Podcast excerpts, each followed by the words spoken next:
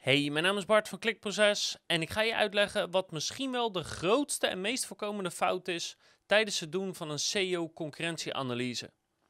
En dat is een fout die we heel veel uh, eigenaren zien doen van websites en webshops. Uh, veel directeuren, veel marketeers die niet heel veel ervaring hebben met SEO. Dus het komt heel veel voor. Het is een hele belangrijke fout en het kan je strategie compleet verknallen. Dus ik ga je precies uitleggen hoe dat zit, wat je niet moet doen, wat je wel moet doen, zodat je je strategie goed kan neerzetten. Welkom bij Klikproces met informatie voor betere rankings, meer bezoekers en een hogere omzet. Elke werkdag praktisch advies voor meer organische groei via SEO, CRO, YouTube en Voice.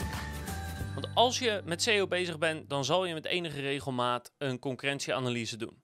En of het nou gaat om linkbeelden waarbij je kijkt naar de concurrenten, of het nou gaat om een nieuwe pagina maken of een bestaande pagina herontwikkelen, dan kijk je naar je concurrenten. En ook als je op zoek gaat naar nieuwe zoekwoorden, dan kijk je doorgaans naar concurrentie. Daar kom je niet onderuit om snel en effectief te scoren, moet je dat doen. Nou, dat is op zich niet verkeerd. Maar wat er nu vaak gebeurt, is dat er één hele grote fout wordt gemaakt in die analyse. En die fout tijdens die analyse is dat je jouw website of webshop gaat vergelijken met resultaten die nu in Google scoren, waar je je helemaal niet mee moet vergelijken.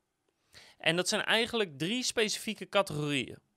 Dus wat het meeste voorkomt, is dat jij een website of shop hebt wat een beetje een niche-speler is. Dus je pakt één specifieke categorie of je pakt een aantal categorieën, maar de hele markt bestaat eigenlijk uit veel meer categorieën. Dus je bent een niche-speler binnen de markt. En in de zoekresultaten staan grote bedrijven. Bol.com, Coolblue, de HEMA, de Blokker, de Rabobank, de ING. Weet je, gewoon echt de grote landelijke bedrijven met grote aanwezigheid online. En dan bestudeer je de top 10 resultaten. En dan zie je bijvoorbeeld dat Bol.com en Coolblue allebei een pagina hebben waar maar 100 woorden tekst op staat en heel veel producten. Of je ziet dat de Rabobank en ING allebei voor die ene pagina uh, eh, 500 woorden tekst hebben met twee afbeeldingen. En dat neem je mee in je analyse. En als je dan je pagina gaat ontwikkelen of je linkbuildingstrategie gaat doen, dan ga je je conformeren of je, of je gaat er rekening mee houden met wat zij doen. Want ja, als zij met zoveel woorden kunnen scoren, dan kan ik het ook wel. Maar die vergelijking gaat dus totaal niet op. Want je bent helemaal geen bol.com, jij bent helemaal geen Rabobank. In dit voorbeeld ben jij gewoon een niche-speler. En dat betekent dat jij bepaalde voordelen hebt en bepaalde nadelen hebt. En net zoals die andere sites dat hebben. Maar het betekent in elk geval dat jullie niet hetzelfde zijn. Jullie hele site werkt op een andere manier. Je rankt om andere redenen. Zij ranken op autoriteit, jij op specialisme. En een grote fout is dus kijken wat hun doen en proberen dat na te doen op een of andere manier. En dan denken dat je dan ook op die manier gaat scoren. Want geloof me, dat is echt een hele grote fout om te maken. Want waarschijnlijk als niet-speler is je autoriteit bijvoorbeeld maar de helft. Maar je specialisme is twee keer zo groot. Waarschijnlijk is de info die jij hebt gegeven op je hele site over een onderwerp veel groter. Zeker verhoudingsgewijs ten opzichte van de hele site.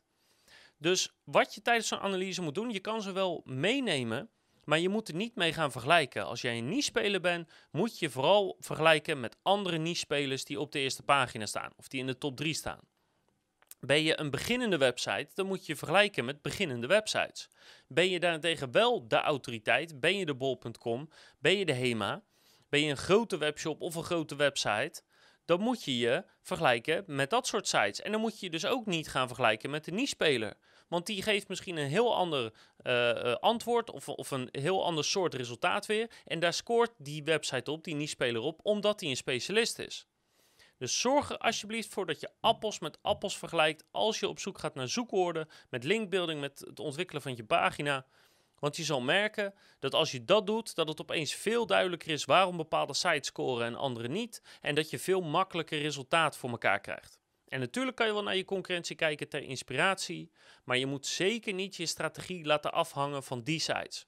En het kan dus betekenen in de praktijk dat als je bijvoorbeeld net op pagina 2 staat en op pagina 1 staan 5 niche-spelers en 5 hele grote sites, dat je dus alleen maar rekening houdt met wat die niche-spelers doen om hoger te scoren in Google. Dus vergelijk wat vergelijkbaar is en vergelijk niet wat niet vergelijkbaar is. Ik ga mezelf ook niet met een Apple vergelijken, want dat slaat gewoon nergens op. En als je dat doet, wordt niet alleen je leven een stuk makkelijker, maar maakt het ook een stuk makkelijker om vervolgens te gaan scoren in Google. Dus concurrentieanalyses, appels met appels en peren met peren. Als je ermee bezig bent, wens ik je heel veel succes. Deze fout zal je in elk geval niet meer maken. En ik hoop dat je de volgende keer weer kijkt, luistert of leest want dan heb ik natuurlijk nog veel meer advies voor je op het gebied van SEO, CRO, YouTube en voice.